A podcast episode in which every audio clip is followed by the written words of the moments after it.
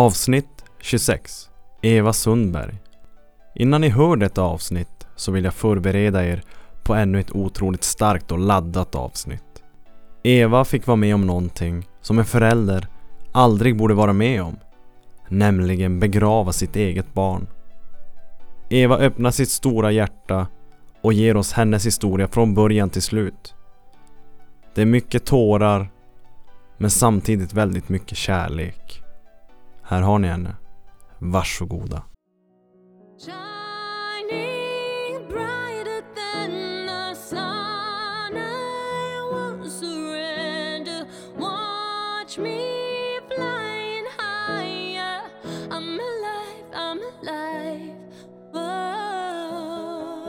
Är du redo Eva? Jag är redo, vi kör. Ja, vi kör.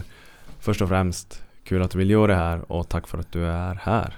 Mm. Det var Nu- jättebra att få komma hit för att prata med dig. Ja, vi har ju haft lite nu prat innan och det känns eh, Du kommer ju nu från Du blir avsnittet efter Lina som du själv började lyssna Ett väldigt tungt avsnitt Och det här är ju lite grann samma spår Och eh, för de som inte vet vem du är Börja med att presentera Vem du är Eva Mm. Jag heter Eva Sundberg, jag är 44 år gammal. Född och uppvuxen i Kiruna. Eh, har ett rött hus med vita knutar. Eh, det här är familjen. Är det Eh, drömhuset? Drömhuset. jag bor i Tullavara med min man Stefan. Vi har varit tillsammans sedan 20 år tillbaka. Mhm. och var gifta sedan 2009. Och vi har en flicka som är 14 år och blir 15 i januari, Alina. Mhm. Jobbar som undersköterska på akuten här i Kiruna sjukhus. Ni har haft en hel del kanske att göra nu under coronatider eller har det varit lugnt för er? Eh, ja, vi har haft så här lite omgångar kan man säga. I vågor har det kommit. Mm. Men, eh, men vi börjar märka nu att det har lugnat ner sig. Men nu har skolorna börjat igen så vi får se vad, som tro- händer. vad tror du då? Kommer det komma en andra våg? Ja, jag tror att det kommer en andra våg. Det gör det? Ja, Mm. jag tror det. Alltså folk börjar samla mer sig och ja, kanske inte orkar ha det här eh, avståndet till varandra. Mm. Utan vi behöver det här med närhet. Har du fått ha någon semester då? Det har jag. Du har, du har hunnit ha semester Jajamän, i alla fall. jag har jobbat två veckor redan.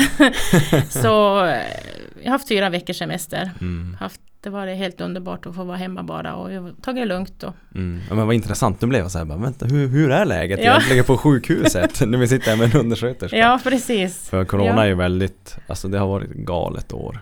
Ja, det är helt galet. Jag känner bara 2000, två- 2020 känns som att det, det är någon parentes liksom. Vad, har du varit med om något så här riktigt extremt coronafall? Liksom att, för man får ju höra vissa att det är ganska jobbigt att jobba i de där miljöerna. Ja, det är ju just det här med, med att tänka på jobba i skyddsutrustning. Mm. Det är väldigt varmt. Alltså du är skyddad från topp till tå. Mm. Och, eh, och sen att man har även mask på sig.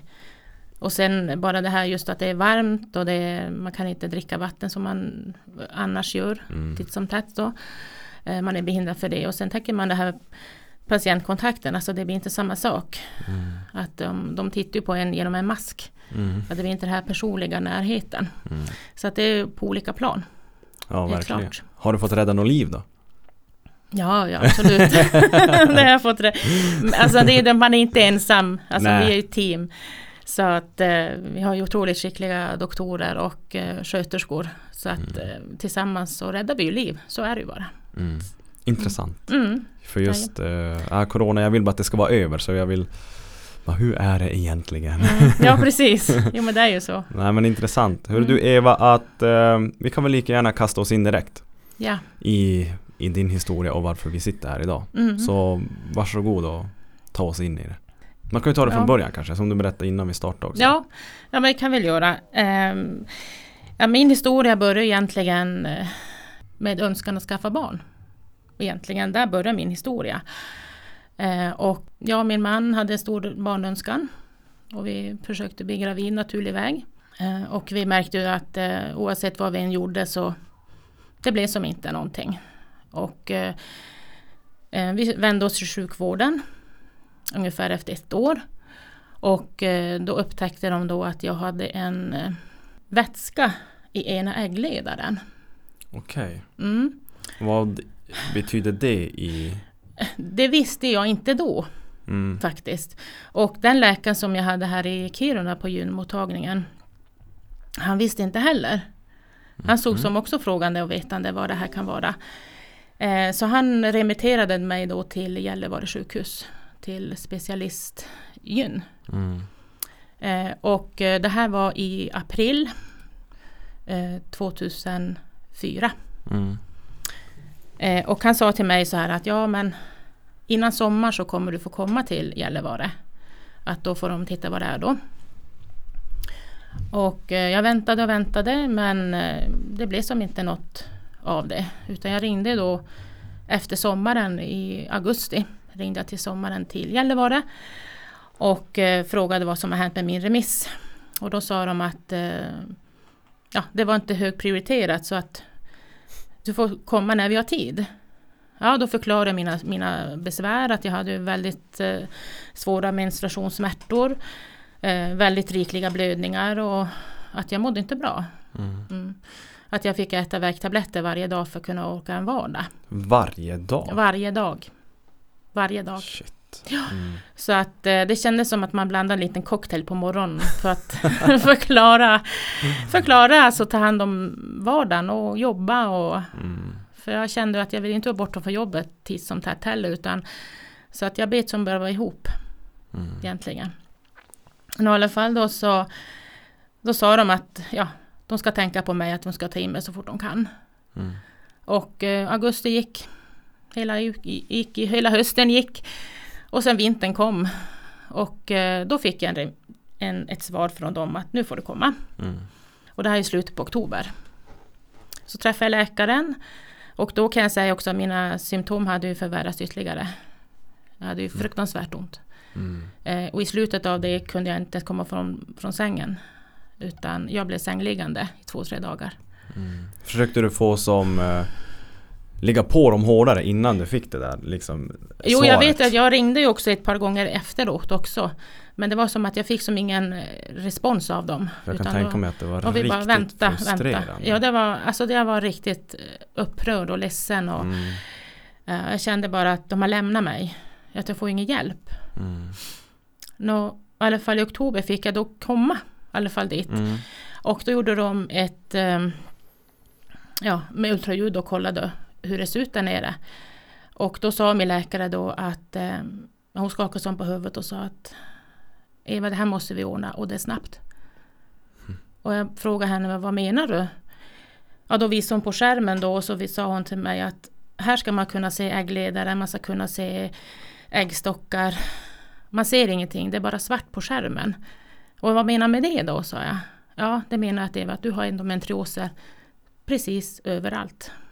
Och det ordet, vad är det på svenska? Endometrios är godartad chokladsystor, kallas det också.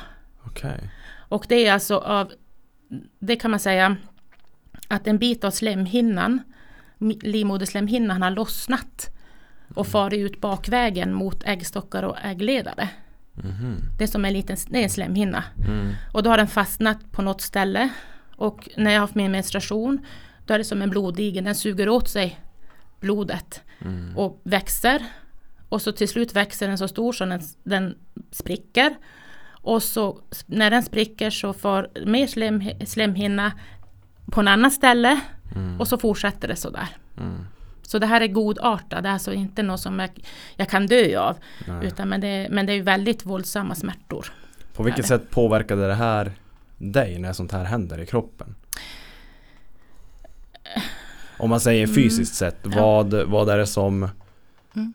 eh, På vilket sätt hämmar det din kropp liksom att eh, fungera när sånt här Alltså det är ju, först och främst är det ju våld, alltså det är våldsamma smärtor. mm. Alltså jag, hade, jag fick veta att jag hade en kronisk endometrios.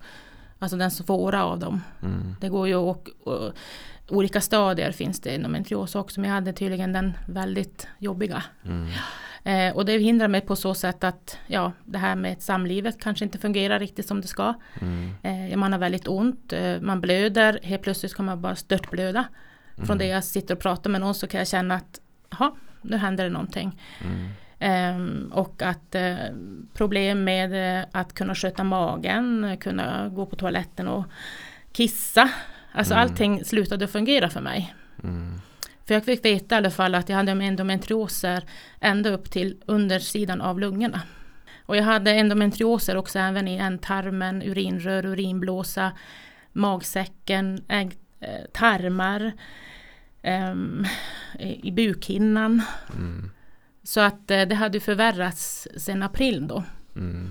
Så att eh, då sa min läkare då i alla fall att det här måste vi göra och det måste göras fort. Och då är det operation som Operation som gäller, då öppnar de buken med Mm. operationssnitt. Eh, så de öppnade 20 centimeter buken av mig. gäller. Och sen börjar de gräva. Och sen tog de bort det då. Så mycket de kunde. Men då sa min läkare att, att jag är inte säker på att det går att rädda någonting. Att eh, det får vi se först när operationen är gjord. Så när jag opererades då visste jag inte att ja, kommer jag ha någonting kvar? Mm. För hon sa att det, det ser väldigt illa ut sa hon. Det känns som att här har det blivit eh, ganska mycket fel från eh, typ eh, sjukhusens sida. Så hade du fått komma in tidigare så hade det kanske gått att rädda på ett bättre sätt. Ja absolut, det håller jag med dig om och då sa mig även min läkare Mm. att hade du kommit tidigare så hade vi kanske rädda, kanske tagit bort ena äggledaren, att du behållit resten. Ja. Men i och med att jag fick vänta så länge och det var ju en felaktig remiss från början Mm. här i Kiruna sjukhus. Så att det är där felet har börjat. Så du är inte den som eh, ger en high five till Kiruna sjukhus idag? Inte riktigt i något besvär om man ska säga gyn. Alltså Ja. nej, inte riktigt för jag känner att där har det felat då. Mm. Mm. Och sen då efter den här operationen, vad, eh, vad hände sen? Ja, efter operationen så tog de bort mina äggledare. Mm. För att de var eh, stora som fingerstorlek tjocka. En äggledare ska vara som att du tar med ett blyertspenna och streck. De tog ju bort dem, det gick inte att rädda. Eh, och då fick jag veta opera- efter operationen då att i och med att jag inte har några äggledare kvar så kan jag inte få barn naturlig väg heller. Mm. Så då sa min läkare att det är via IVF, alltså provrörsbefruktning som gäller. Mm. Och hur funkar det typ i praktiken? Provrörsbefruktning? Ja, det funkar så att eh, mannen eh, lämnar ett spermaprov Mm. Och eh, jag eh, gör mina ägg. Jag går under en behandling. Mm. Eh, Jag initierar hormonbehandling, alltså horm- ett hormonpreparat Mm. i min mage en gång per dag. Och eh, det gör jag ungefär i två veckors tid. Och då är man under ruvning, alltså man, man, alltså man, man gör ägg Mm. så att säga. Eh, och, eh, och då när eh, de tycker att jag har gjort tillräckligt med ägg, då gör man ju ofta de här gynundersökningarna med ultraljud och kollar hur mycket ägg det är. När de tycker att jo men nu är det tillräckligt, då åker man ner, som vi åkte ner till Umeå, IVF-kliniken. Och då plockar de bort äggen, när man ligger i, ett i en gynstol. Mhm. Och då går de in med en nål i underlivet och suger ut äggen. Huh. Så att det kan bli ungefär till 15 till 20 ägg Mm. kan man göra. Och då har de tagit ut äggen. Och då har Stefan då, min man, lämnat ett spermaprov. Mm. Och då tar de hans spermia och mitt ägg och eh, befruktar i en liten kopp i ett laboratorium. Det är ganska fascinerande. Mm, det är väldigt fascinerande. Så att eh, Alina och eh, Lillemor är ju vårt biologiska barn. Det är från Stefan och från mig. Mm. Så att det är ju vårt barn men det har inte blivit befruktat på vanligt sätt utan det är vi i ett laboratorium. Mm. Och sen då? Man befruktar allting i en kopp. Ja.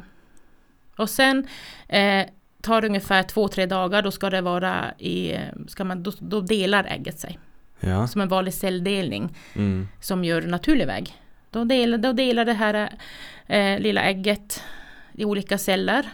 Mm. Och när den har delat sig till ett embryo då får jag tillbaka det In i kroppen. in i kroppen. Då tar de en vanlig spruta. Ja, det är helt fascinerande hur man tänker egentligen hur det kan gå till. Då tar de en vanlig spruta, då ligger man också i en gynstol Mm. och eh, injicerar alltså embryot i min livmoder. Så att barnet kan börja växa. Så barnet kan börja växa. Jaha. Och under tiden också så är man ju under jättestor eh, hormonstimulering. Stimulering. Mm. Alltså man får ju både eh, vaginalt, man får även eh, tabletter, äta hormoner Mhm. för att kunna hjälpa kroppen att ta hand om det här embryot. Mm. Och det sker ju annars naturlig väg, men i och med att inte det här är naturlig väg så måste jag ju tillsätta det på ett annat sätt. Ja. Hur, eh, hur, hur tog du, vad ska man säga, hur accepterade du att eh, inte kunna bli gravid naturlig väg? Var det jobbigt för dig att handskas med? Det var jättejobbigt, det var en stor förlust för mig. För Mm. både jag och min man hade stor, stor barnönskan. Mm. Det var, det var ett stort slag för mig. Och jag, jag kände att livet tog slut. Jaså? Jag kände att livet, nu, nu, nu finns det inget mer.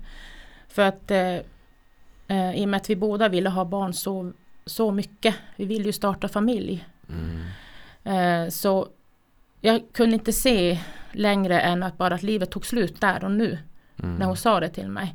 Jag kunde inte se det här med IVF, jag kunde inte se det här Nej, adoptera ett barn. Alltså jag kunde inte se det för jag ville ha ett barn så innerligt för att kunna bära själv. Det. Mm. Och, och plus att min läkare då tycker jag var lite klumpigt sagt av henne. Hon sa att Eva det finns mer i livet än att skaffa barn. Och då kände jag bara titta på henne och skaka på huvudet. Alltså hur kan du veta vad jag känner? Mm.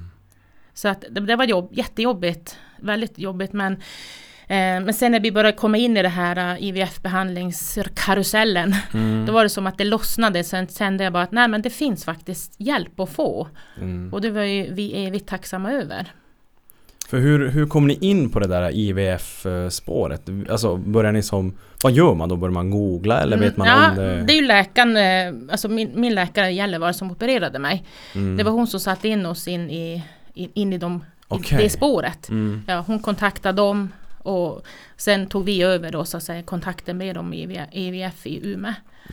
Eh, så att ehm, Ja, så sa hon att vi skulle ju få landstings eh, eh, vad ska man säga landstingsfinansierat skulle vi få. Mm. Det finns det också om man har medicinska skäl. Så kan man få via landstinget tre gånger IVF-behandlingar Mm. gratis Mm. om man har medicinskt skäl.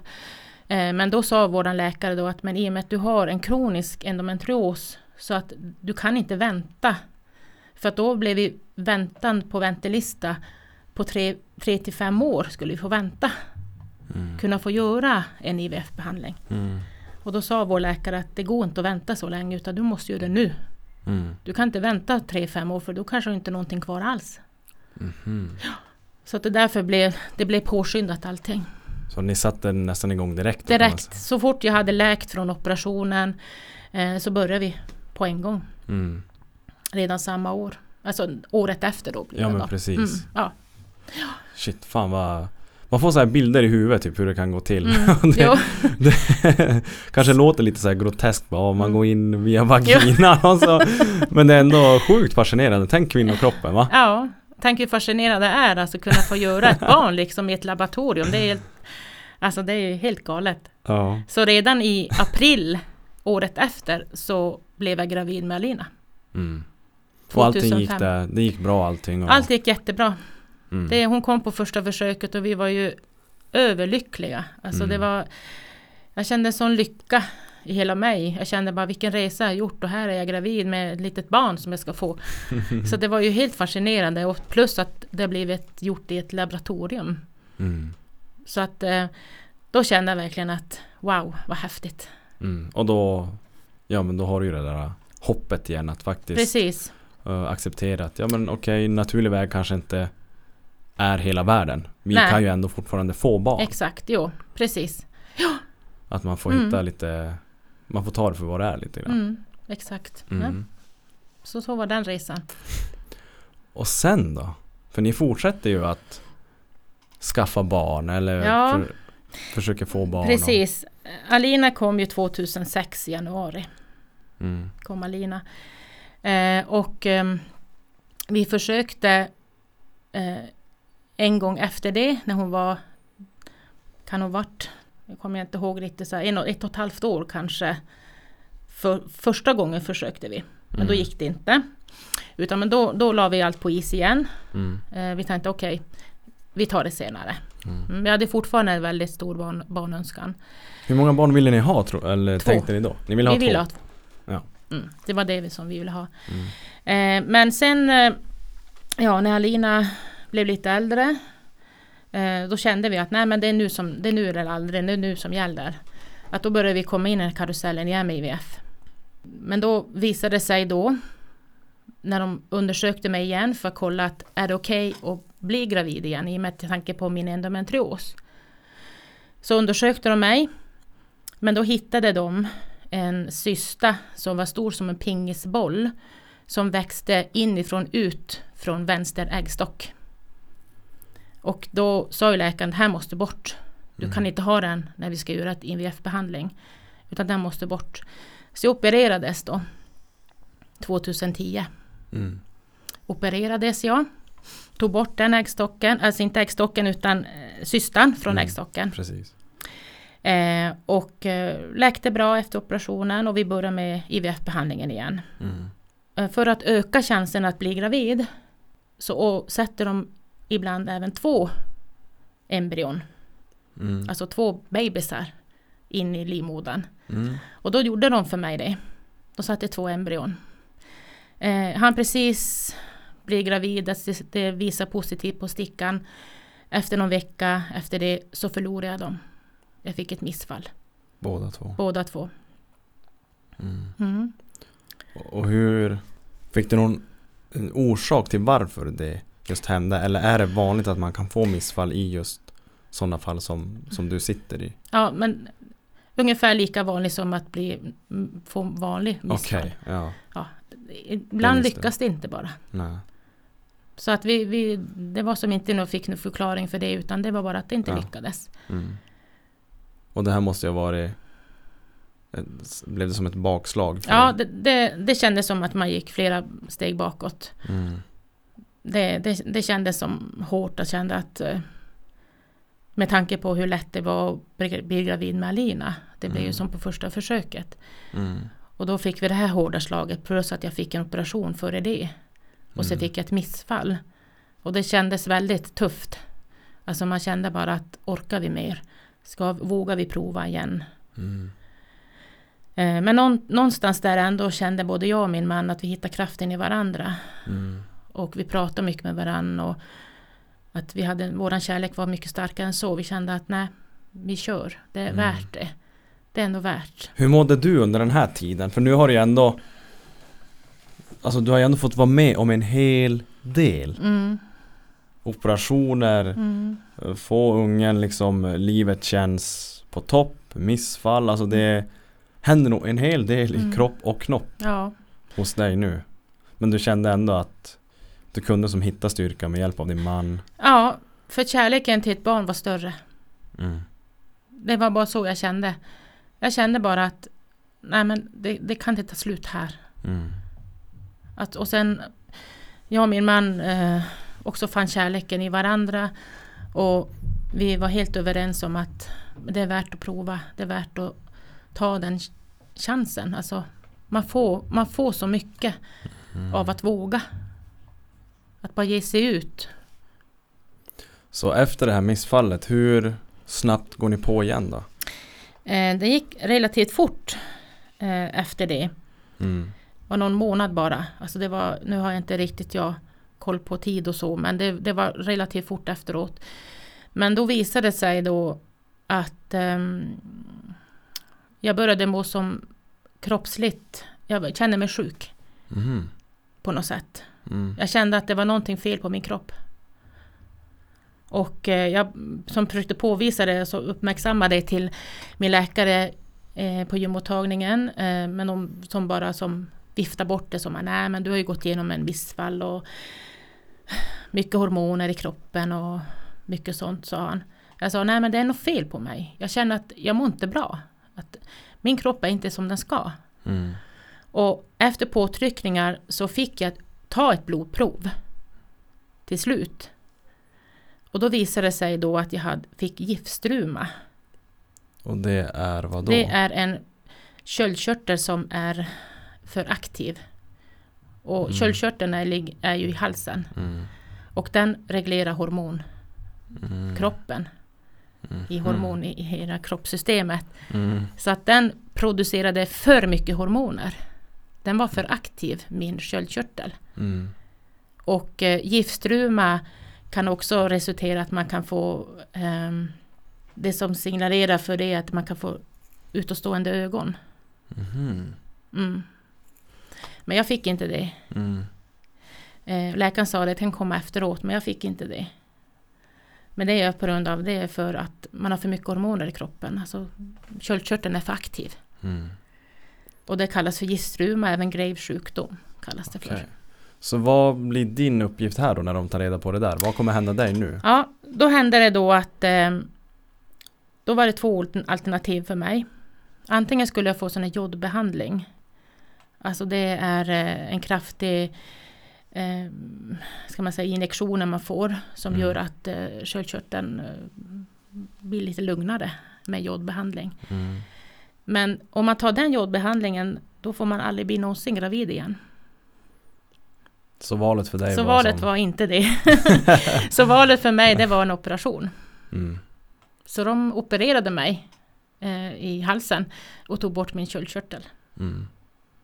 Så då tog de bort den Och det gick bra? och det gick bra.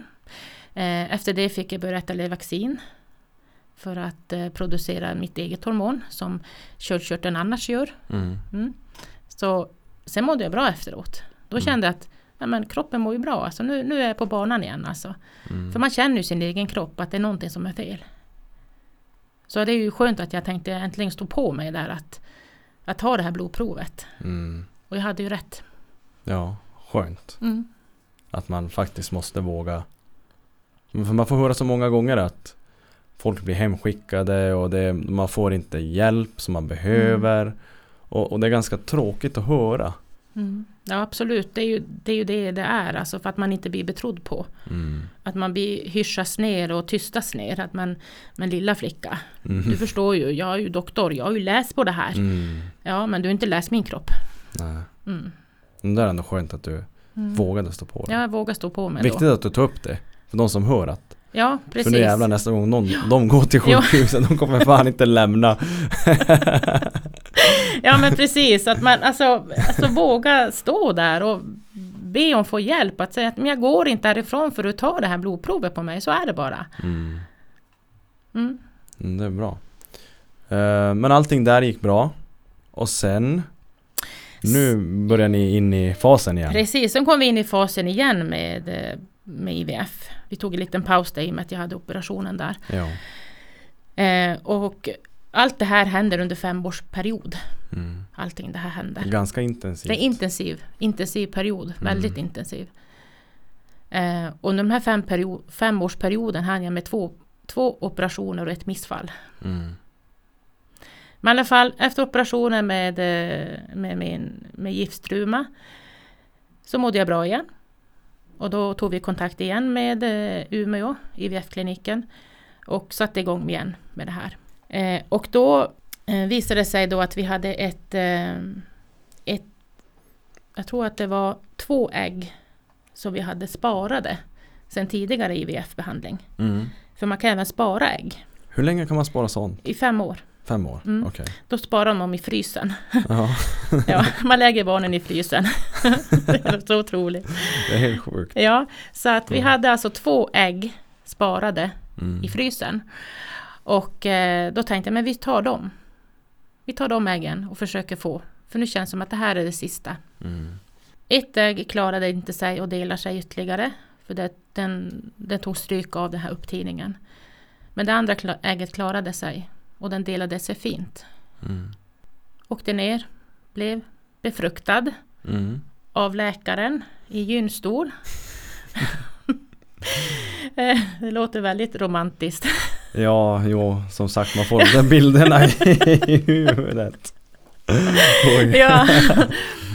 Eh, ja, men i alla fall jag blev befruktad eh, med ett litet, med ett litet embryo Mm. som var fryst. Men blev upptinad. Mm. Och det gick vägen. Det fortsatte, jag tog, fortsatte ta mina hormonbehandlingar vaginalt eh, och även tabletter. Eh, för att tillföra det här med naturligt, det här med hormoner som händer i en graviditet. Så att jag fortsatte med det. Jag fick gå tidiga ultraljud för att kolla att eh, embryon växte. Mm. Vi såg ett litet hjärta som tickade. Vilken skön känsla. Det var helt, ja jag, ja, ja, jag grät. Och jag Mm. grät och jag grät. Alltså när jag såg det där lilla hjärtat. Mm. Ja, det var en, och jag kände bara att det har varit värt det. Varenda operation, Mm. varenda hormonbehandling, varenda, Mm. varenda tår. Alltså det var värt det. Mm. Och jag kände bara att äntligen, vi kom i mål. Mm. Och jag mådde bra under, eller under graviditeten. Magen växte som det ska.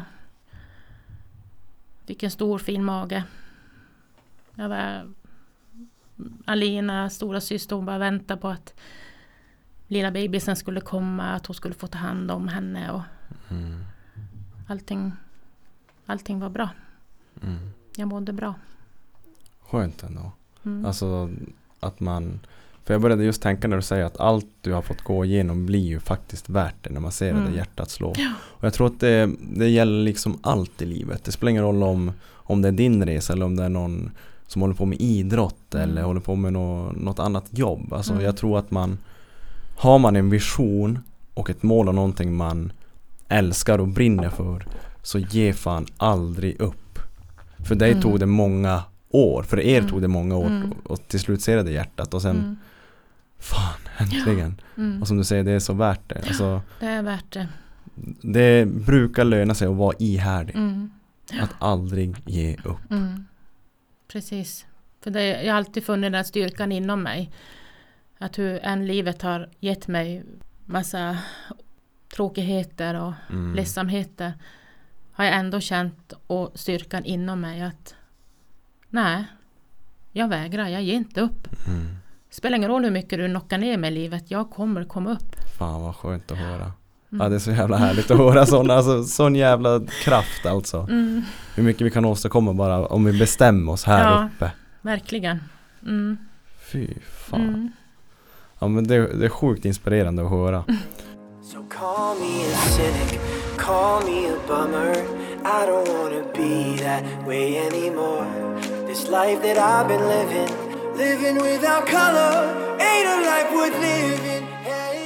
Hur fortsätter, hur, hur fortlöper det här då? Går allt som det ska? Ehm, Det gick ju inte som det riktigt som vi önskade. Vägen ut.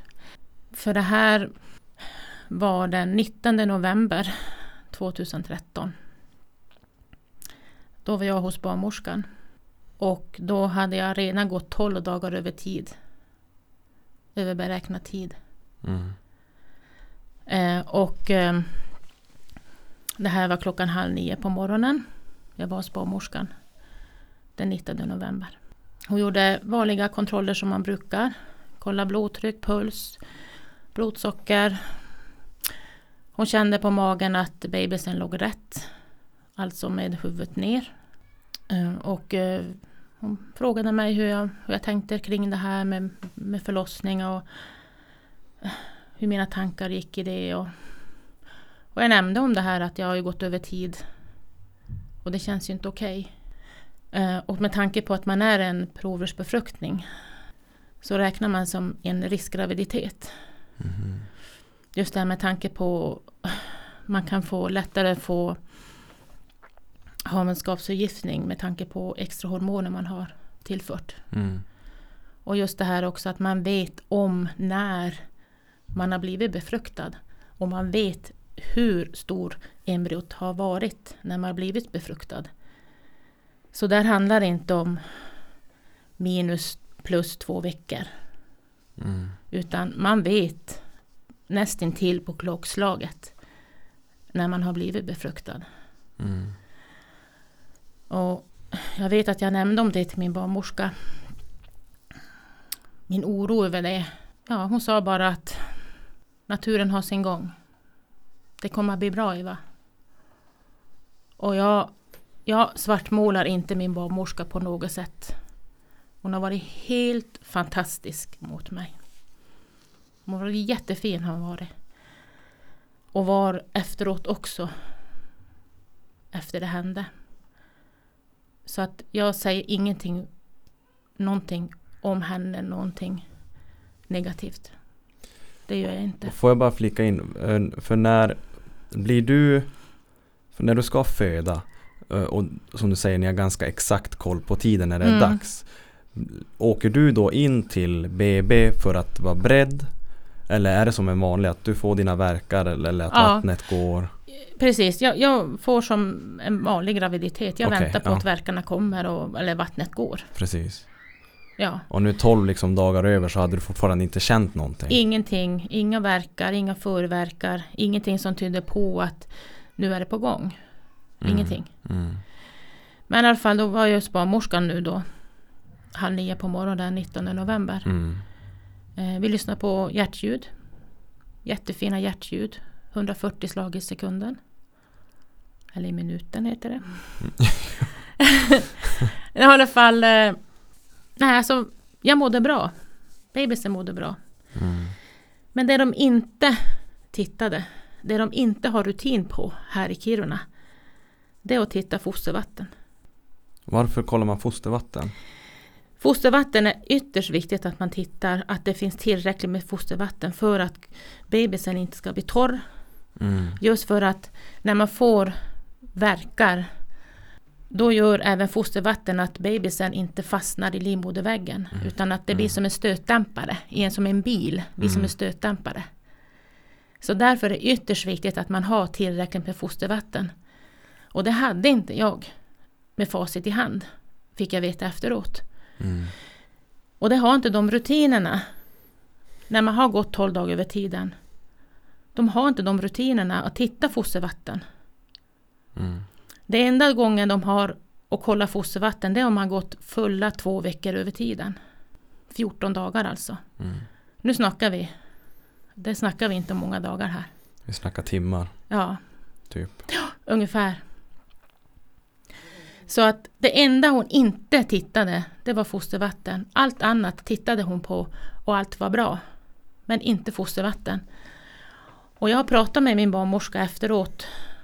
Och då sa hon att hade hon haft de rutinerna att titta på fostervatten då hade hon ju sett att jag ha- hade bara pölar kvar. Mm. Då hade hon skickat mig med ambulans direkt till Gällivare. Och då hade det blivit urakut snitt.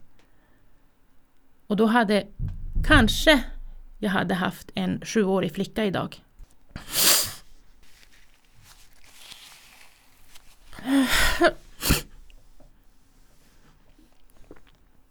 Och som...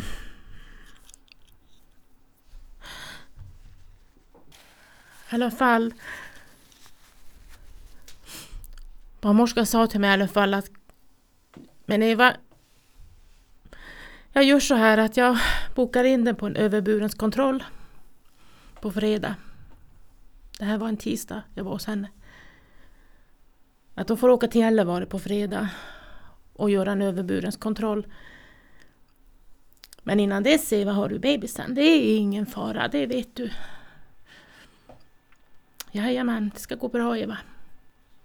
Jag gick hem. Och eh, kände ingenting att det var något på gång. Mådde bra. Efter, eftermiddagen hämtade jag min flicka från skolan. Alina var sju år gammal då. Eh, vi gjorde mat hemma. Gjorde lite läxor. Eh, jag hann till och med vara på ett föräldramöte på kvällen. Och eh, kom hem från föräldramötet vid sju. La Alina för kvällen. Gjorde henne färdig för det. Hon la sig och sova. Jag gjorde i ordning kvällsfika till mig själv. Satt framför tvn. Klockan var strax före åtta på kvällen. Och från det jag stunden sitter helt lugnt till nästa stund var det kaos. Jag kände att det var som en kniv. For rakt upp i vaginalt. Och, eh, och kände att det blev blött i trosan. Jag gick på toaletten på en gång och såg att det kom blod. Jag sa till min man att vi måste åka. Jag tror det är dags. Vi gjorde i ordning Alina, hennes väska. Hon förde vi till en granne till oss. Och det här nu, det gick fort, det var 20 minuter så var vi iväg. Vi satt oss i bilen. Jag och min man. Han inte mer än komma knappt till Jukkaskorsningen. Så kände jag att det här kommer inte gå. Vad var det som gjorde att du kände så? Alltså, Eh, Jag kände att verkarna var konstigt, konstigare än vad jag hade med Alina. mm. Och varje graviditet är ju inte densamma, man kan ju inte jämföra. Men jag kände bara att det är någonting som inte stämmer, det är något som är fel. Eh, och jag fick eh, Jag fick verkar hela tiden. De avlöste varann. Jag fick ingen paus emellan. När en verk slutade så började nästa. Och Stefan körde ju, det här var ju på kvällen november, det är ju vinter, det är snö, det är kallt. Mm. Det är rena räljar efter vägen. Stefan satt bredvid mig och körde och jag såg på honom att han var jättestressad. Och körde så fort han kunde. Och jag försökte andas mellan varje verk. Och jag drog mig upp i sätet som att det var som att jag kunde inte sitta för det gjorde så ont där nere.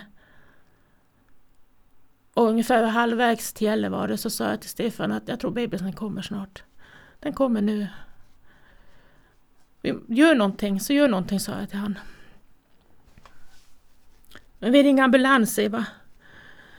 Så jag lyckades förmå mig mell- mellan verkarna att ringa till ambulans. För de ville prata med mig och jag vet inte, jag ville nog prata med dem också. Och då sa ambulans, eller ringde du 112 då. Och då så pratade vi med henne och sa de att eh, men vi skickar en ambulans nu. De kommer möta er. Och eh, vi såg ambulansen kom. Och då var en barnmorska med i ambulansen. Eh, och eh, de öppnade bildörren till oss och så sa de bara har bebisen kommit? Alltså nej den kommer nu. Och de hjälpte över mig till ambulansen. Vi stannade i en parkeringsficka. Det var kallt ute, mörkt. Kändes ju inte okej. Så jag hoppade in i ambulansen, Stefan åkte efter med bilen. Så jag hade inte ens min man med mig. Mm. Jag var själv. När vi kom in i ambulansen så tog barnmorskan ett sånt här äh, apparat som gör att man kan lyssna på hjärtat av barnet. Så hon tog den och försökte lyssna. Hon knackade på apparaten några gånger. Och vred och vände på den och tog igen på min mage. Och vet, jag såg på hennes ögon att det var inte bra. Det var någonstans, jag, jag fick bara känslan av att jag såg på hennes ögon. Mm. Det är något som är fel. Jag fick eh, lustgas fick jag i ambulansen. Vi hade så kraftiga verkar.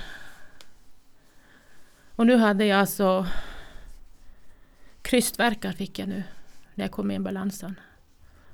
Barnmorskan frågade mig Eva, försök att hålla emot Eva, försök att hålla emot. Vi är snart framme, vi är snart framme. Och så kom fram till Gällivare. Och det jag minns när de rullade ut mig från ambulansen. Jag minns klockslaget. Det fanns en liten digital klocka precis när man rullade ut från ambulansen. 22.20 stod den på. Jag vet inte varför jag minns det, men jag minns det. Då rullade de ut mig från ambulansen. Barnmorskan som var med mig, hon var jättefin. Hon andades med mig. Hon hejade som på mig.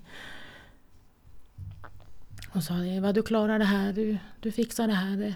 Vi är snart framme. Vi är snart i mål. Vi är snart i mål, Eva. Och eh, så kom de, rullade in mig på förlossningssalen. De hade gjort allting färdigt där. Jag lades i gynstolen. Och då tog barnmorskan ultraljudsapparaten och tog den på min mage. Och eh, hon höll inte på länge där och så slog hon den ifrån sig.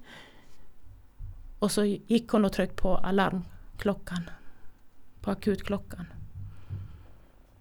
Och det tjöt utav bara den i hela rummet. Och jag tittade på henne, vad håller hon på med? Vad trycker hon? Vad, vad håller hon på med? Ska hon hjälpa mig? Och sen väller det in med människor. Det var akutläkare, barnläkare, ambulanspersonalen kom tillbaka.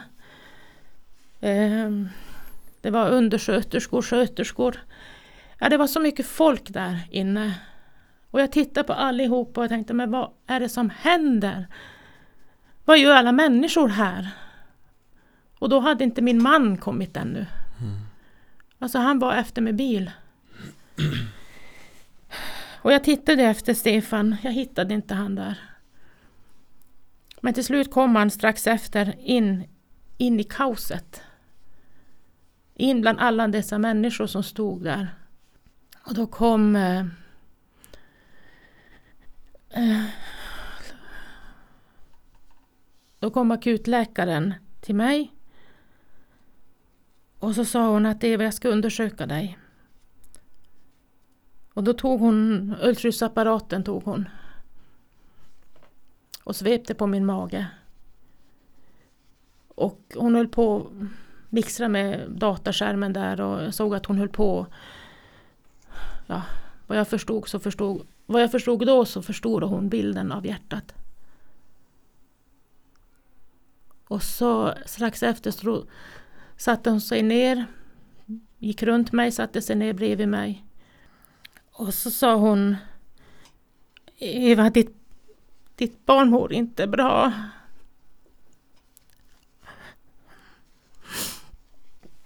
Och, och så... Vadå, sa jag. Vadå, vad menar du? Då sa hon att jag ska nog säga på ett annat sätt, Eva. Ditt barn lever inte. Ditt barn har dött.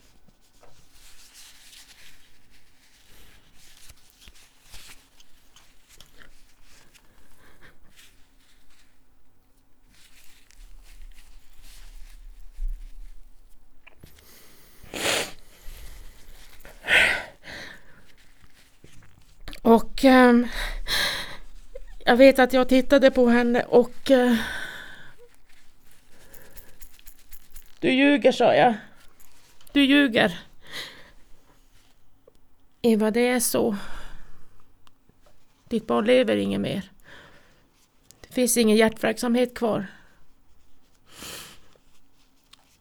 Och då vet jag att Stefan var bredvid och eh, i vild förtvivlan så sa han bara du måste hjälpa Eva, måste hjälpa Eva nu.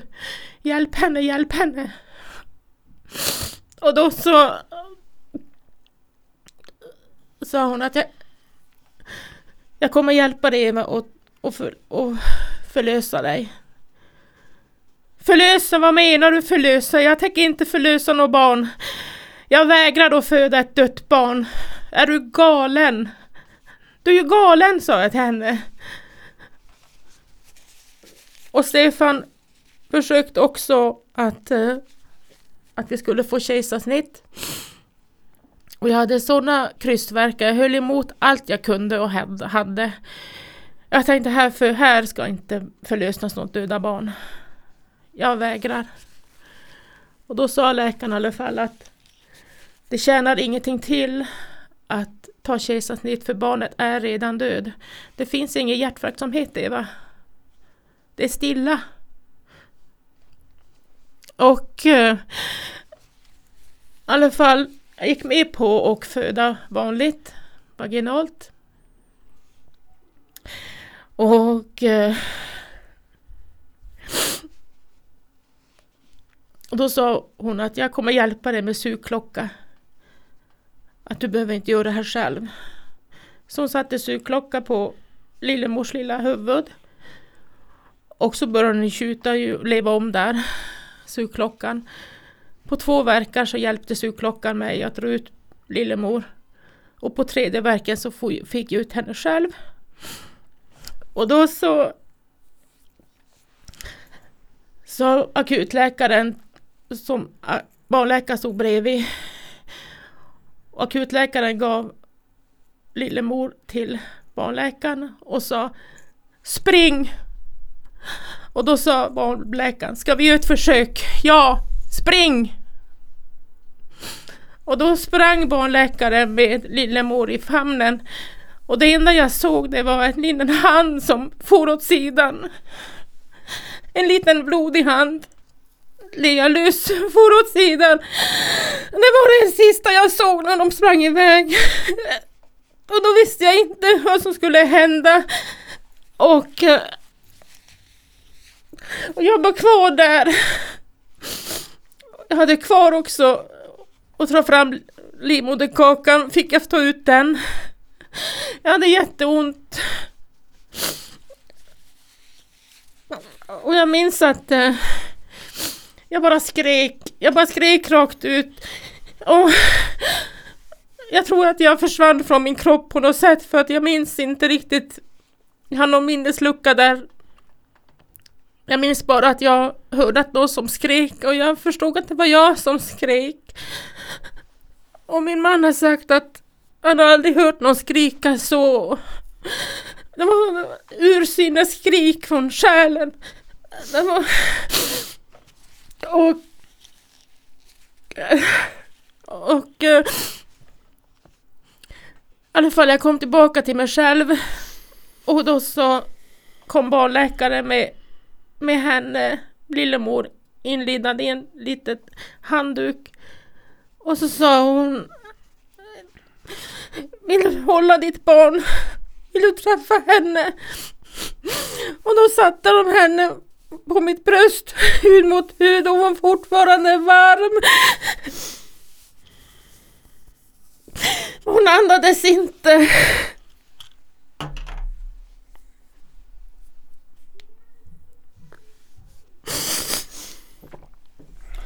Och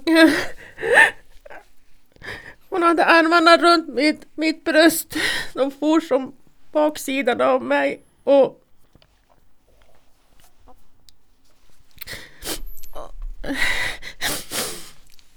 jag förstod att hur mycket jag än försöker få henne till liv så får jag inte henne. Hur mycket min kärlek försöker få henne till liv så får inte jag henne till liv igen. Hon luktade så gott och hon var så varm. Hon var så fin. Och jag vet, jag såg på Stefan han tittade på mig och, och, den sorgen hans i blicken, min mans blick.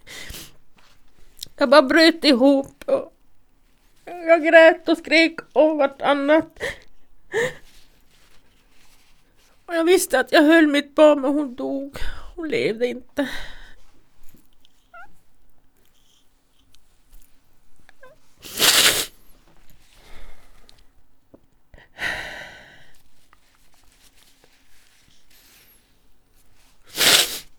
Och eh, hon blev dödfödd 23.05 19 november 2013. Och eh, jag hade henne jag hade henne på mitt bröst. Jag tror klockan var det två på natten. Och då kände jag att hon blev mer och mer kall. Hon blev mer och mer stel. Och barnmorskan frågade mig och Stefan att vill ni ha hjälp att tvätta henne? Vi gör henne fin med kläder. Och de vägde henne. Hon vägde 3999. Hon var 52 centimeter lång. alldeles perfekt unge. Vi tvättade henne. Vi satte henne på kläder. Barnmorskan tog foto och handavtryck. Klippte en del av hennes hår. De gjorde jättefint hjärta till oss med hennes foto, handavtryck och hår. Skrev hennes namn, hur lång hon var, vad hon vägde när hon föddes. Och sen eh, fick jag hålla henne igen när hon var nytvättad i min famn. Klockan var mellan två och tre på natten.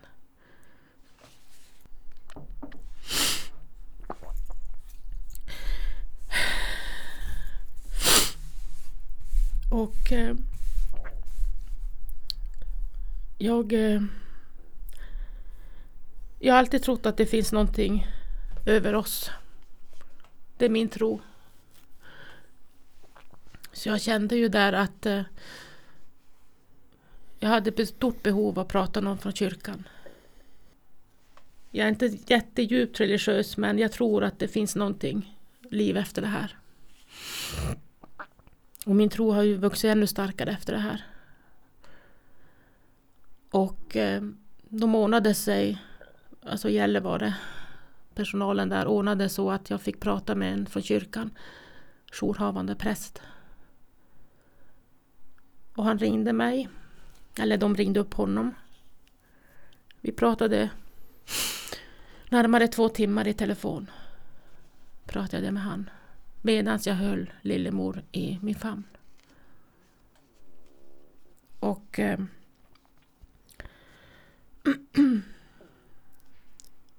och han frågade mig, läk- eller jourhavande prästen, att om jag ville ha kontakt med vår präst i Kiruna. Som har, som har jag har blivit konfirmerad av, jag har blivit vi har vix, vår vigselförrättare och Alinas präst som har döpt henne. Och då frågade han att om vi har någon präst vi känner förtroende för som vi vill ha kontakt med och då sa att vi har en. Och då sa han, jag lovar dig Eva att jag kommer att ta kontakt med henne. Att jag tror absolut att hon kan komma till er i Gällivare. Och mycket riktigt. Vår präst hon ringde redan på morgonen klockan sju dagen efter och sa att hon hade pratat med den jourhavande prästen och sa att Eva vill du att jag kommer? Jag kommer på en gång. Och det gjorde hon. Hon kom till oss. Eh, det var viktigt för mig att Lillemor blev välsignad. Att hon skulle få komma till änglarna. Och Lillemor fick sitt namn. Hon fick ett dopljus. Men hon blev inte döpt, för man får inte döpa döda barn. Men att vilken namnceremoni fick vi. Och hon blev välsignad av vår präst. Och vi hade de absolut närmaste hos oss. De kom också till Gällivare. Eh, och eh, de försökte ju stötta oss så gott det gick. Och vår präst även, hon ordnade allt det här praktiska med, med eh, krematoriet i Kiruna till exempel. För att vi, både jag och Stefan kände att vi hade inte hjärta att lämna lillemor i Gällivare. För då skulle hon bli lämnad i kylen i Gällivare i bårhuset på en kall bänk. Helt opersonligt. Och jag frågade personalen i Gällivare att finns det möjlighet att vi kan få lämna henne till krematoriet i Kiruna själv? Att får vi ta med henne? Absolut, sa de. Det får ni göra. Så vi bestämde att vi skulle lämna henne själv till krematoriet. Och lillemor åkte med oss i våran bil. Jag klädde på henne precis som en vanlig levande barn. Med alla kläder hon skulle ha på. Overall och stickade dressen. Allt. Jag satte henne i bilbarnstolen. Precis som hon levde. Och eh, enligt överenskommelse av prästen och eh, eh, begravningsentreprenören så träffades vi utanför krematoriet redan då, dagen, ja redan på kvällen. Vi var knappt ett dygn i BB. Så på eftermiddagen så lämnade vi henne i krematoriet dagen efter den 20 november. Och eh, då sa begravningsentreprenören till oss att eh, ta gärna med någonting hemifrån så att Lillemor kan ligga i den. Och då tog vi från, från barnvagnen liggdelen och hennes sovsäck. Och jag bäddade ner Lillemor i den i krematoriet. Och eh, och då lovade jag Lillemor och jag sa till henne att jag, kom, jag kommer tillbaka. Mamma kommer till dig. För jag kände att, att det var, jag kunde inte ta farväl av Lillemor då. Det hade inte jag hjärta att göra.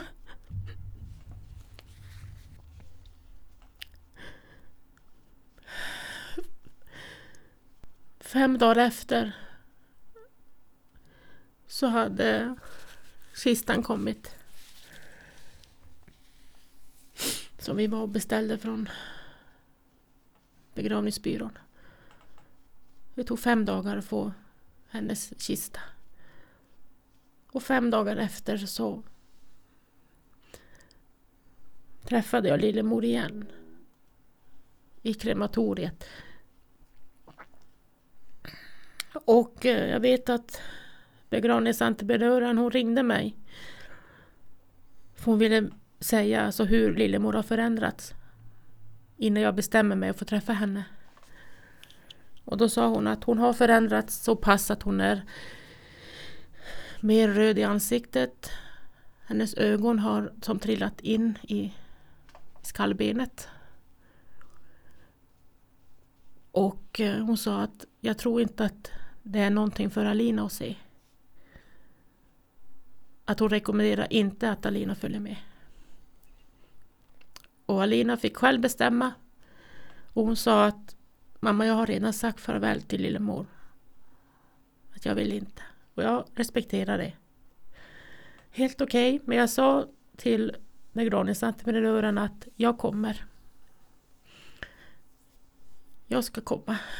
Och eh, jag vet att min man sa och försökte övertala mig att inte åka. Även när jag satt i bilen på väg dit så sa han till mig, snälla Eva, tänk på vad du gör. Du har en fin bild av lillemor nu. Du vet inte vad du har nu när du kommer till krematoriet.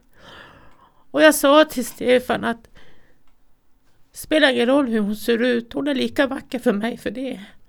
Hon är mitt barn och jag ska säga farväl till henne en gång till. Och jag ska bädda ner henne själv. Jag åkte dit. Och eh, hon hade ställt fram liggdelen på en, på en bänk i krematoriet. Så jag fick själv öppna sovsäcken där lillemor låg. Och jag tog upp henne i min famn. Hon var hur vacker som helst. Det såg ut som att hon låg och sov. Fast lite kall. Och jag... Eh, jag sjöng alla barnvisor jag kunde för henne. Jag vaggade henne i min famn. Och jag försökte memorera varje del av henne. Jag försökte få känna lukten, hur hon doftade. Jag satte näsan in i hennes haka och i hennes kind. Jag var med henne i tre timmar i krematoriet. Och jag hade tagit med mig hemifrån fårskinnet som hon skulle ha i barnvagnen. Jag tog med mig ett kort på mig och Stefan och Alina. Jag hade skrivit brev till henne. Och Alina ville att hon skulle ha en ängelnallebjörn med sig in i, i kistan. Och för Alina sa att den här ger mamma, den här ger henne både tröst och värme. Så hon inte är ensam.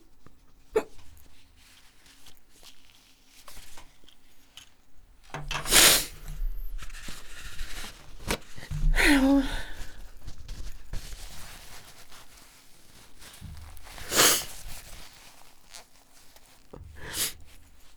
Jag fick jättefint stöd av begravningsentreprenören. Hon sa till mig att hon är, hon är i bakgrunden om jag behöver hennes hjälp. Hon sa att vi är här så länge du vill. Jag har ingen tid att passa. Det här är din och lillemors tid. Och jag visste att eh, det här var lånad tid. Jag får den här tiden tillbaka.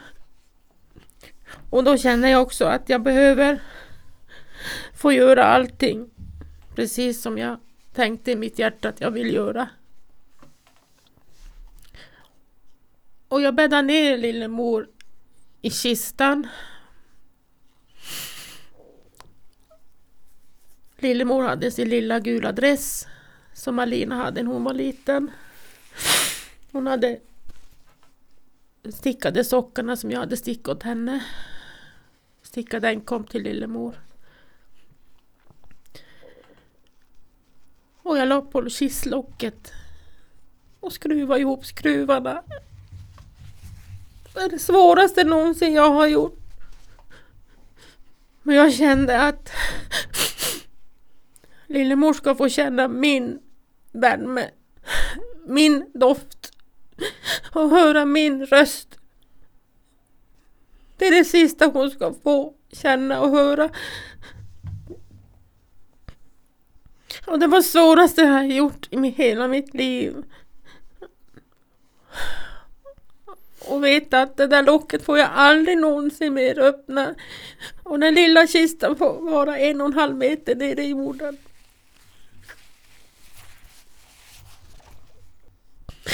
Och jag åkte därifrån. Och så tomhet i mitt hjärta. Och hela mitt, halva mitt hjärta blev kvar med lillemor i kistan. Och den har inte, än idag, är den inte hel.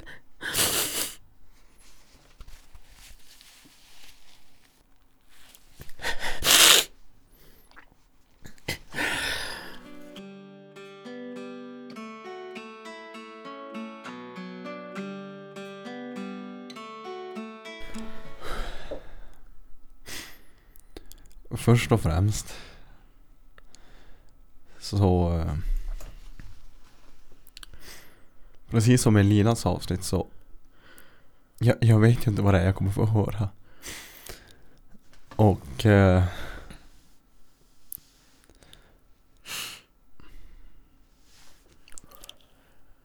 Alltså vi Livet kan vända så jävla fort. Mm. Jag som inte ens har varit med om nästan något sånt där. För det första så kan jag inte sätta mig in i sitsen utan jag Jag ser ju framför mig om, om det hade varit jag. Och ja, man är bara så lyckligt lottad. Och det är så viktigt att vi kommer till insikt med det. Absolut. Så att när du och precis som i förra avsnittet Lina kan öppna sig om just sådana här äh, tragedier så ja, vi, vi kan bara dra nytta av sådana här historier. För att ni är ju inte ensamma. Verkligen inte. Och, och det är viktigt att vi som inte har varit med om något sånt här får höra det. För att så här kan livet vända fort. Så här, så här kan det se ut kanske för mig imorgon. Jag vet inte. Att jag förlorar ett barn. Eller att någonting händer med mina nära och kära. Mm.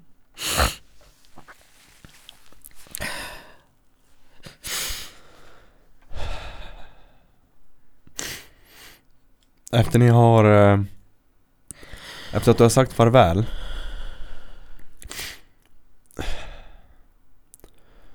På, När du sa farväl, kände du att det var Vad ska man säga, att det var som Färdigt där, kände du att nu är det dags att eh, Bearbeta det, för att du ska ju på något sätt kunna leva med det här nu Resten av ditt liv. Ja, när jag tog farväl av lillemor i krematoriet så, så hade vi ju begravningen framför. mm. Det var ytterligare ett moment. Eh, och då var det ju planera begravningen. Hur ville vi ha det? Hur har vi tänkt genom det? Det är ju ingenting man tänker över en dag, så här vill vi ha det. För det vi hade planerat det var ju att vi ska ha ett barn hem. Vi ska planera ett ettårskalas kanske. Vi ska planera att barnet har kommit. Glädja sig åt det. Sätta en annons i tidningen. Välkommen till världen. Men nu fick vi planera en, en dödsannons i NSD. Hur absurt är det? Hur ska man kunna planera sitt barns begravning? No, en, del av, en del av hjärtat dog av mig. En del av mig försvann. Eh, jag vet att jag efter jag hade sagt farväl åt henne i krematoriet jag gick i en robot. Jag var en robot. Fram till begravningen. Jag gjorde allt som på kommando kan man säga. Jag satte på, jag satte på autopilot.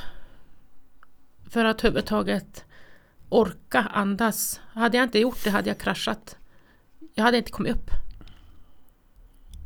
Så med hjälp av vänner, eh, Stefans eh, föräldrar, svä- min svägerska. De hjälpte oss att planera begravningen med allt med från vad vi ska träffas efteråt, vad vi ska ha, vad ska vi fika något eller vad ska vi göra? För både jag och Stefan kände att eh, för att inte drunkna i vår sorg så behövde vi våra vänner. Vi behövde ha dem nära oss. Och därför valde både jag och min man att alla som ville komma och hedra Lillemors minne fick göra det. Alla fick komma till kyrkan. Alla fick komma till fikat efteråt. Vi hade en enkel fika. Och så bara för att vi kände att man måste få träffas efteråt och samla tankar, prata igenom. För jag kände att jag kan inte, jag kan inte bara gå hem eh, till mitt hem efter begravningen. Efter att jag sänkt ner henne i kistan, alltså i jorden.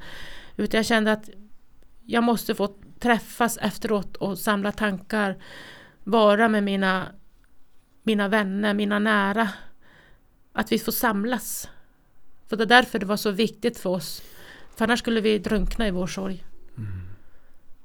Och det var en process i sig att planera allting men med hjälp av goda vänner och, och, och familj så klarar vi att göra det. Men det var ju tiden efter begravningen som det blev tomt. Och då tänkte jag för mig själv, vad ska jag göra nu? Hur ska jag gå vidare nu? För nu hade jag inte ens begravning att planera. Nu hade jag bara tomt. Nu satt jag i soffan med tomma armar. Fortfarande en gravidmage. Det tar ju tid innan den försvinner. Jag hade bröst som bara läckte bröstmjölk. Jag fick byta tröja flera gånger om dagen för att bara producera mjölk. Jag satt där ensam med tomma armar. Och jag vet att eh, jag vet att jag frågade min man faktiskt. Jag pratade om det efteråt. Att, för jag har varit så jag har varit så rädd för mig själv att jag har varit som avvisat Alina på något sätt. I och med att jag var jättesjuk i min sorg. Jag var jättesjuk. Och då sa han att den enda gångerna han såg att jag var som mig själv, någorlunda mig själv, det var när, när Alina kom till mig eller när jag hörde Alinas röst. Det var de enda gångerna Stefan sa till mig att det var de gångerna han såg att jag blev som lugn. Eller lugnare. Och han sa till mig att jag aldrig avvisat Alina. Jag har alltid tagit henne till mig. Och kramat henne och jag har sagt hur mycket jag älskar henne och hur mycket hon betyder för mig. För det har jag varit rädd att jag har gjort, att jag har avvisat henne, men det har jag inte gjort. Och jag vet att min man, han säger alltid sanningen till mig. Men jag kan säga till dig Pontus. Första fyra månaderna ville inte jag leva. Jag hade, jag hade en sån dödslängtan varje dag. Jag funderar varje dag hur jag ska kunna ge bort det här livet. Och jag vet ju nu att jag var sjuk i min sorg. Att om jag hade kunnat genomföra det hade det inte varit medvetet och inte min vilja. Men jag var sjuk. Jag var sjuk, så sjuk i sorgen. Så det enda jag tänkte på att Alina har sin pappa. Det är ingen fara. Men vem har lillemor? Lillemor är ensam. Känner du att du vill eh, komma till henne? Ja. Ja. Och jag vet att jag sa det här till min man. Jag lyfte det till honom. Och han tog det på största allvar. Och han lämnade inte mig ensam, inte en minut. Och skulle han någonstans så såg han till att någon kom till mig. Eller jag åkte till någon. Så han lämnade inte mig alls. Han var hemma med mig. Han var sjukskriven själv. Nästan två månader. Han lämnade inte mig, inte en sekund. På något sätt förstår jag han ändå såklart. För han vill ju inte förlora dig. Nej, nej.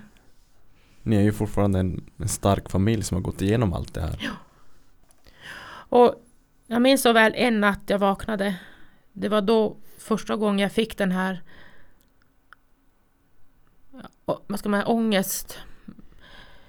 Känslan av att inte vilja leva mer. Jag vaknade på natten, Alina sov med mig i min säng. Och jag vände mig till henne, tog tag i henne till mig.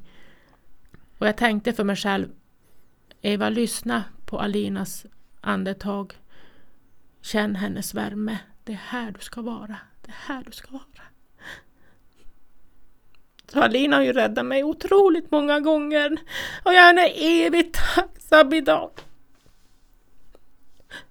Alina som fick mig tillbaka till livet. Jag eh, fick ju professionell hjälp. Via psykiatrimottagningen här i stan. Det var min läkare i Gällivare som ordnade det. För jag behövde ju professionell hjälp. Jag gick hos henne i nästintill två år. Och eh, jag fick skriva på ett kontrakt med henne. Ett livskontrakt sa hon att det hette. Och det stod det att om jag hade tankar att ta bort mig själv, eh, vill göra mig illa, så skulle jag ringa 112. Det pappret fick jag ta med varje gång till henne, till min psykoterapeut. Jag fick läsa upp det för henne varje dag, varje gång jag var hos henne. Och så frågade hon mig, Eva, har du fortfarande de här tankarna? Ja, det har jag. Ja, då har vi fortsatt kontrakt du och jag. Att nu har du lovat mig. Det står på papper. Du har skrivit under med ditt namn Eva. Du ska ringa 112 om du gör dig illa. Eller har du tanke att göra dig illa så långt? Men efter fyra månader så var det någonting, jag vet inte vad som gjorde, jag har ingen aning. Men då kände jag bara, nej. Jag vill inte ha de tankarna mer. Jag vill leva. Nu vill jag, nu vill jag leva igen. Och då fick jag riva det kontraktet med min psykoterapeut. Jag rev det i bitar så det blev som en pappersmassa.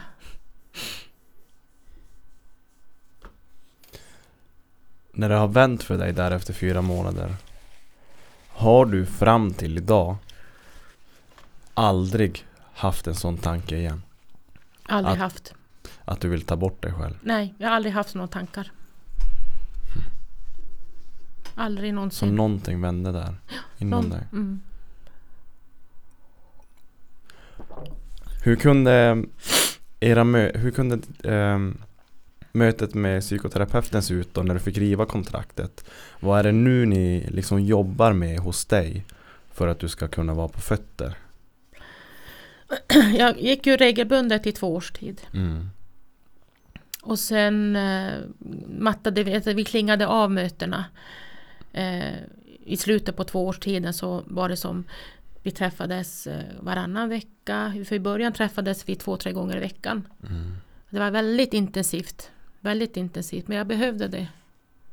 Just med tanke på att jag inte ville leva. Mm. Och jag har då och då periodvis varit i kontakt också med psykiatrin. Just för att eh, jag har mått sämre vissa perioder. Har jag gjort. Speciellt till årsdagarna är jobbiga för mig. Så mm, då och då har jag behövt ta kontakt igen. Men då har det bara varit två, tre, fyra, fem träffar och sen har jag klarat mig igen. Har det då varit typ, vad ska man säga, bara nedstämdhet?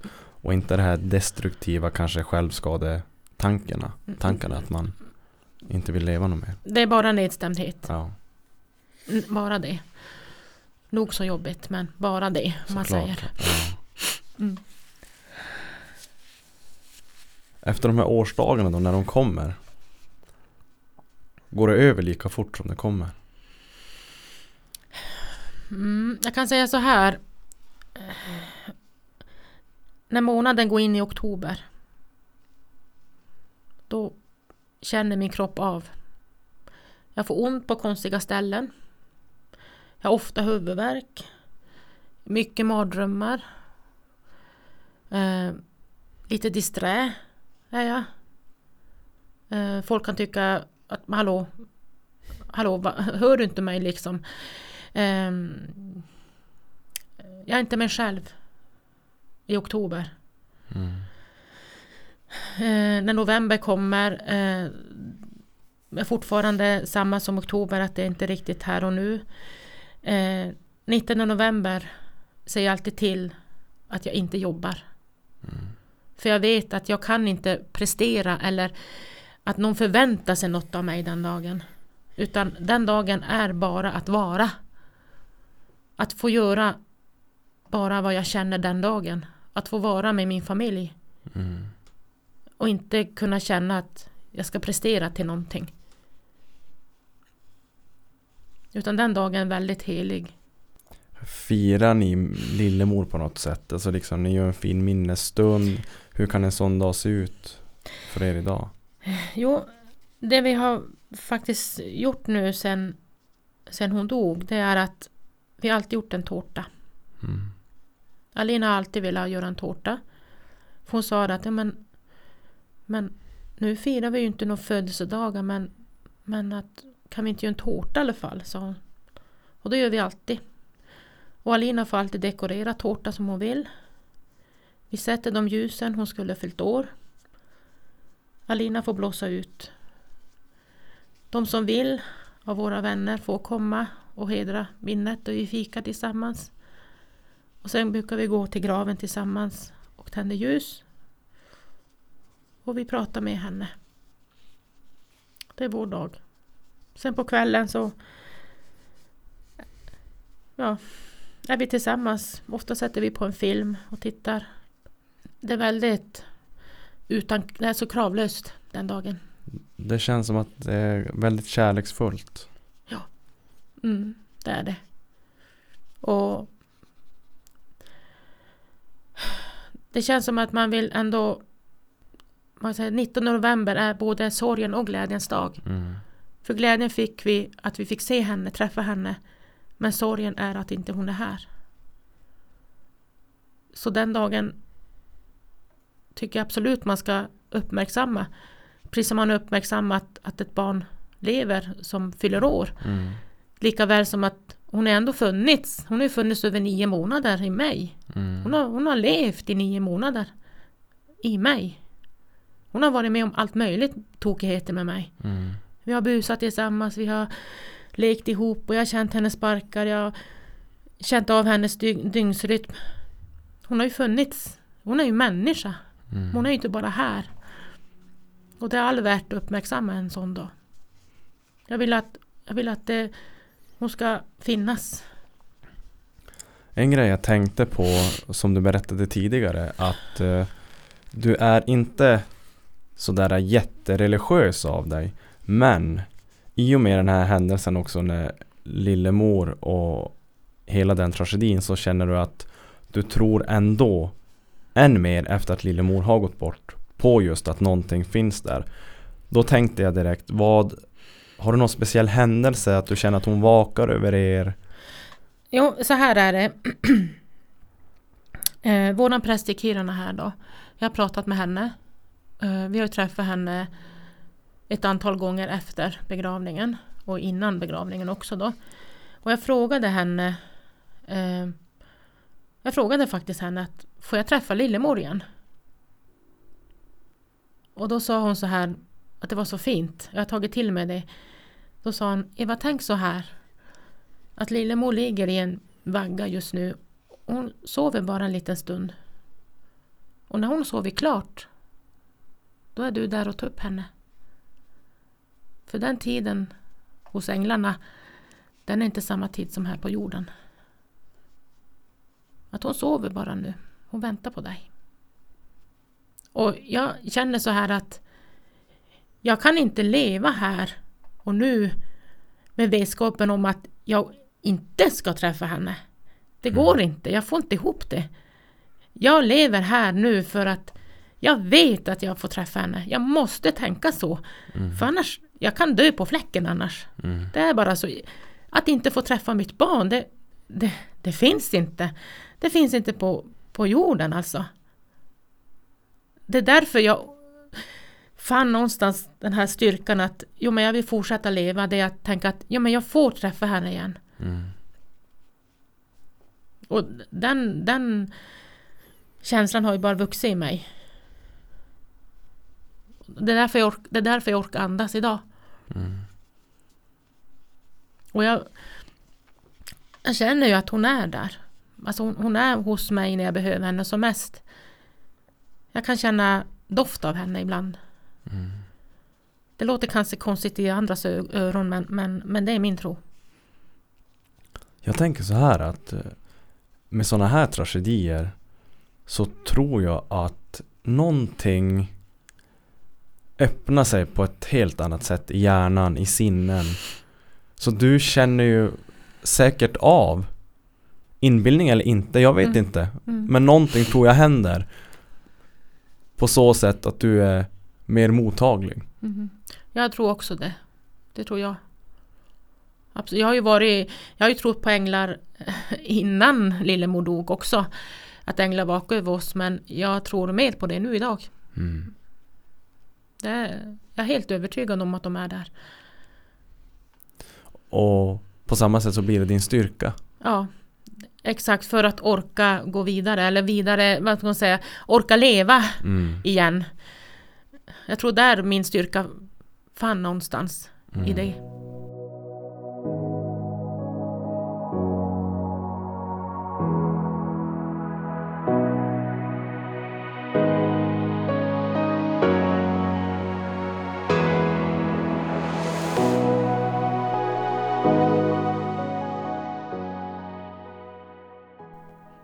Jag är, alltså jag kan inte mer än säga att jag är helt, helt omtumlad av din berättelse. Ja. Jag är jättetacksam och, och jag anser att det här är så viktigt att vi pratar om. Mm. Absolut tycker jag också. Och att, att du kunde hitta styrka, det har varit sjukt jobbigt. Men samtidigt fint. Vi gör ju det här av en bra anledning. Absolut. Eh, så Som jag brukar fråga alla och det Det du har gått igenom, det du har liksom, det ni har fått nu stärka er ifrån. Så vill jag veta Vad har du för tips till allmänheten? Om du får sätta din prägel på att säga till folk Så här kanske ni borde tänka för att livet ska bli bättre eller Liksom om du bara leker att nu ska du hålla en kort kort föreläsning om, om hur livet hur livet är och våran syn. Vad svårt. ja, alltså försöka finna liten detalj någonstans som gör att man orkar gå vidare. Att man orkar finna kraften. Det kan vara en simpel grej. Mm. Och hålla fast vid det. Det kan vara hur enkelt som helst. Alla har ju olika mm, idéer om hur livet ska vara och så men det är svårt att säga. Just det här, jag hade ju det här med, med änglarna. Att jag får träffa henne igen. Det var det som höll mig. Eh, och att eh, känna ändå att livet är ju ändå värt att leva. Mm. Alltså vi, vi, har ju, vi får ju bara ett liv, gör, gör det bästa av det. Mm. Och eh, om jag kan inspirera någon som har det svårt eller tungt eller som har fastnat på något sätt. Att om jag kan med min berättelse få den att tänka att ja men det går ändå. Mm. Så är jag ju jättetacksam. Och det är det jag vill nå ut med Mm. också. Mm. Att det, dels är du inte ensam att gå igenom att behöva begrava ett barn. Mm. Det värsta som finns i det här livet. Så kan du ändå resa dig. Mm. Det går att resa sig. Mm. Vad som än händer så tror jag på att det går att resa sig. Och det är så inspirerande och fascinerande att få höra sådana som dig faktiskt resa sig. Mm. Det är helt otroligt. Jag, är, alltså jag kan säga att jag känner mig att jag är ju ändå levande bevis på att man står fortfarande på fötter. Mm. Alltså men jag tror att tanke, jag tänker lite så här också att jag har ju fått mycket hjälp efter vägen. Mm. Jag har ju inte varit ensam. Alltså det är tack vare min, mina otroligt fina vänner som har varit där dag ut och dag in. Jag har fått snora på deras, deras axlar. Eh, De har hämtat vatten, hämtat papper. De har fått höra om det här om och om och om igen. Jag har ältat, ältat, ältat. Att, att jag kan ge litet, litet råd till de som står bredvid det är att våga vara kvar. Lämna inte. Våga, våga vara kvar och våga vara tyst. För det finns inga ord i denna värld som gör att det blir bättre eller att Lillemor kommer tillbaka. Det finns, ingen, det finns inga ord. Våga vara tyst, våga vara där. Lämna mig inte. Och lämna inte den som har svårt. Och det kommer att ta tid. Det kommer att ta tid. Ha tålamod. Precis det jag tänker att eh, För vissa kan det ta Vad man än går igenom så för vissa går det över på en dag, för vissa går det över på en vecka. Mm. Precis. För vissa tar det fyra månader. Det, det, det, det är så olika för alla. Och än idag, det har gått sju år nu. Mm. Lillemor ska bli sju år nu i november. Hon skulle börja ettan nu till hösten. Mm. Jag kan säga när skolan börjar, det är, det är ett hårt slag mot hjärtat. För jag vet att jag hade haft en liten flicka som ska börja ettan som har alldeles för stor ryggsäck på, på ryggen. som är gladast det är att gå till skolan. Mm. Som får lära sig att räkna och 1, 2, 3 ABC. Och det är ett hårt slag. Det, det är tufft. Så än idag så får jag mina, mina falls. Alltså jag ramlar. Men eh, jag vet att groparna är inte så djupa idag som de var i början. Jag kommer lättare ur dem. Men jag låter mig själv att ramla. Jag lyssnar på mina känslor. Jag lyssnar på min kropp när jag vet att okej, idag Eva är ingen bra dag. Idag är, orkar du bara andas. Så är det bra. Den dagen har jag inga krav på mig själv. Utan jag är bara där helt enkelt. Och jag vet att men imorgon känns det bättre. Men jag försöker ha mina misstag. I början så tänkte jag så här, ah, nu rycker vi oss upp här. Och så pressar man fast man inte orkar. Och då faller man ännu hårdare. Och då har jag tänkt att ah, den här dagen är bara att orka andas. Och då är det bra med det. Då räcker det. Man är bara människa. Håller helt klart med. Det där är så jävla viktigt för det fick jag också lära mig när jag gick till psykolog. Jag måste börja acceptera mig här och nu. Mm, ja. Och inte pusha något som inte ens går att pusha egentligen. Nej. För då blir fallet så mycket hårdare. Mm, precis. Och att du är inne på samma stå, det också Ja, det, det är så det funkar. Mm. Det är precis så det funkar. Och det, det, det, det, den taktiken har jag idag. Och när jag har med de här dåliga dagarna, eller vad ska man säga, när jag mår sämre, mer ledsen, när allting bara buff, kommer över mig som en tsunamivåg, brukar jag säga att det kommer. Det bara sköljer över mig, jag häng, hänger inte med. Och då vet jag att jag kan ringa en vän som har varit hos mig i över 30 år. Nästan 35. Elin, vill jag nämna om henne. Hon skulle vara med här idag hon skulle- kunde tyvärr ja. inte komma. Nej, hon skulle vara med här idag men, men det gick ju bra ändå med dig. Ja. Men eh, hon är en av dem som har verkligen funnits där för mig. Och jag kunnat ringa henne vilken tid på dygnet som helst. Och hon har alltid pratat med mig, lyssnat på mig. Alltså hon har den mest snorigaste axlar som finns på i Sverige. Hon, är, hon, är en, hon är en fin människa. Ja, jag, jag, vill, jag vill säga det. Och jag har, jag har många därtill vänner också som har verkligen stöttat mig och hjälpt mig. Och jag vill också säga att jag har fått vänner som jag inte trodde jag kunde få. Som var där från dag ett. Som var, kom med matkassar, hade gjort matlådor, satt in i frys och kyl. Eh, som än idag är jättefina vänner till mig. Som jag aldrig trodde att jag skulle få. Som man annars bara kanske har, du vet, ja, hälsa på stan eller druckit kanske kaffe med någon, någon gång sådär. Men från dag ett har funnits där. Mm. Och det är, det är också fascinerande hur folk kan bara whoop, träda fram. alltså alltså hur, hur de kan finna styrkan i att vara där. Mm. Och det vill jag också lyfta fram. Att det finns sådana människor också. Mm. Jag känner, det kanske inte är likadant just med, de, med, med poddandet jag gör men jag kan känna lite grann det. Jag känner igen mig när du säger det där. För att till exempel, där, vi har ju aldrig träffats förut.